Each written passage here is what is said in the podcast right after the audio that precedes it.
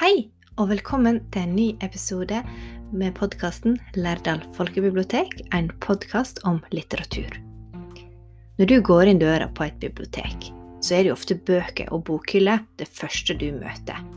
Og biblioteket har mange hundre, ja kanskje tusen, ja kanskje hundretusenvis av bøker.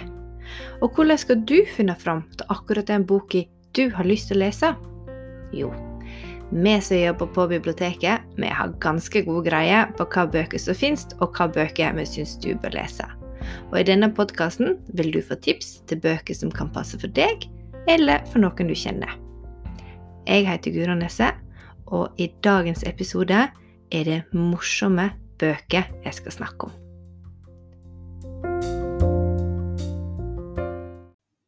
Og det er ikke bare på biblioteket du finner bøker. Hvis du er en av de heldige som har et nasjonalt lånekort som er knyttet opp til et bibliotek i Vestland fylke, kan du òg få tilgang til e-bøker og e-lydbøker i appen Bookbites. Du vil finne mer informasjon om dette hvis du går inn på nettsidene til ditt bibliotek. Og etter hvert som jeg presenterer bøker, vil jeg òg informere om bøkene finnes som e-bok eller som e-lydbok. Er du en som liker å humre litt når du leser?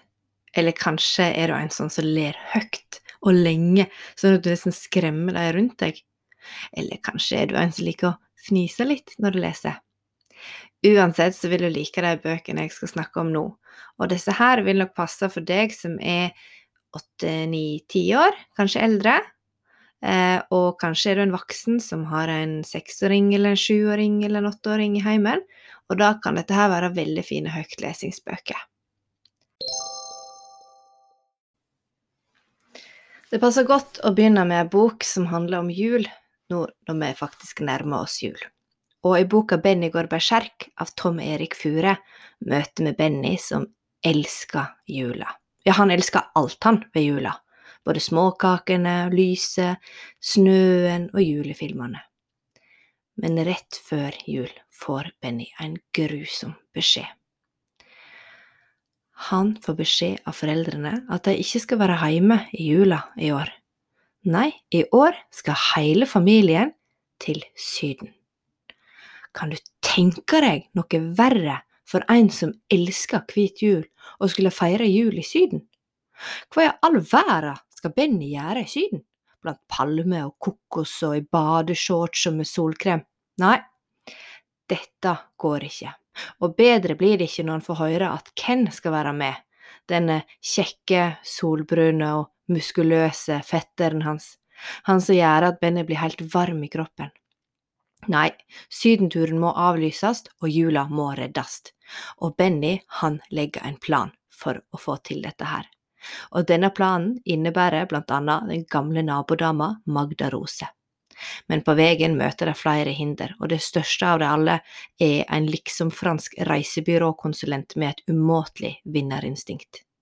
Og den eneste måten dette kan gå bra, er at Benny går berserk. Dette er ei veldig morsom bok som tar opp små ting med jula som vi alle setter pris på, og som vil gi deg mye latter og mye julestemning og boka finner du både som e-bok og e-lydbok på Bookbites.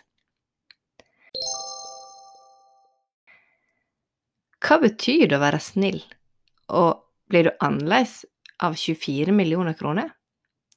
I boka Snillionen av Arnfinn Kolerud får vi disse spørsmålene her. I boka møter vi Frank og mammaen hans, og de er helt vanlige.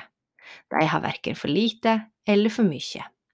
Men en dag blir alt forandra da mammaen til Frank endelig får full score på lottorekka si og vinner 24 millioner kroner. Og med en gang dette blir kjent at det var de som vant pengene, begynner folk å se annerledes på dem. Og alle har mening om hva pengene skal brukes til. Ja, det har Frank og mamma òg. Eh, Frank kan vil bygge både svømmebasseng og golfbane, men mamma vil jo helst at jeg skal leve som før, eller en liten tur til Syden kan de kanskje unne seg. Men først har mamma lyst til å lyse ut en konkurranse, for hun syns at folk burde være snillere. derfor vil hun gi én million av premiepengene til den snilleste i bygda. Eller en snillion, da, som lokalaviser kaller det. Og da er det i gang. Og mens Frank og mamma er i Syden, så får de høre historier om nabokona som går og plukker søppel i vedkanten, eller mannen som klipper plenen til naboene. Men er folk egentlig snille fordi de vil det, eller er det bare for å vinne pengene? Og hva når de begynner å ødelegge for hverandre, sånn at de da får større sjanse til å vinne sjøl? Dette er ei veldig morsom bok, men samtidig alvorlig. Den får oss til å tenke på hva penger betyr for oss, og hva vi er villige til å gjøre for dem. Dette er ei bok om hvor galne folk blir når det er mye penger som står på spill. Og denne boka vil jeg anbefale til alle som liker morsomme bøker, og det er jo selvsagt de aller fleste, så derfor vil jeg anbefale den til de fleste. Men Arnfjell Kolerud, som er forfatteren, har skrevet flere bøker eh, som er veldig morsomme, og han har denne her litt vestlandske humoren i, eh, i bøkene sine, og de finner du både i barnebøkene og voksenbøkene. Boka finner du som e-bok på Bookbites. Maria Parr sine bøker er fulle av humor, varme og vennskap. Og sjølsagt drama. Og det ser vi spesielt i boka 'Keeperen og havet'. For det blir jo drama og sterke følelser når Lena og Trille har blitt tenåringer.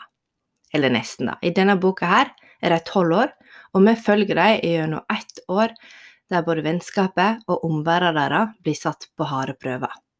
For hva tror du skjer når den nye fotballtreneren nekter selveste Lena Lid til å spille med guttene på guttelaget? Eller når det dukker opp en ny jente i klassen som Trille har lyst til å imponere? Og så er det jo farfar, da, sjømann og fisker som er på jakt etter storfisken, men er han ikke egentlig for gammel for dette her?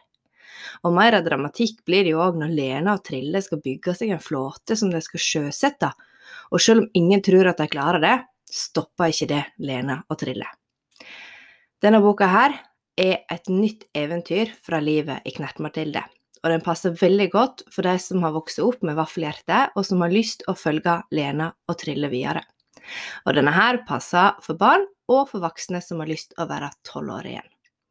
Og den fins som e-bok i Bookbites. I boka 'Dumme, dumme hjerte' av Linda Klakken møter vi Klara, som er tolv år, og ikke spesielt opptatt av kjærlighet.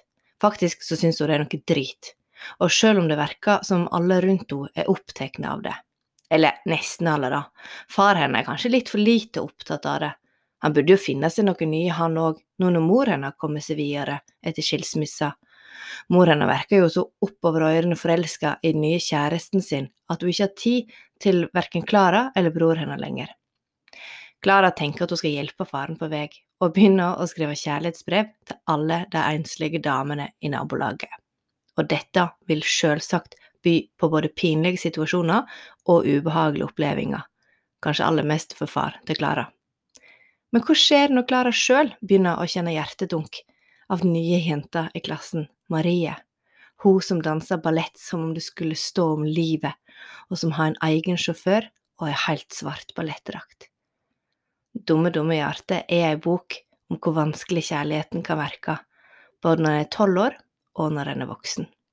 Og boka finner du både som e-bok og som e-lydbok på Bookbites.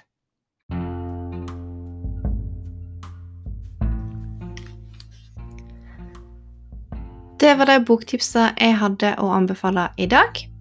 Følg med oss videre for flere spennende boktips i neste episode. Ha det bra!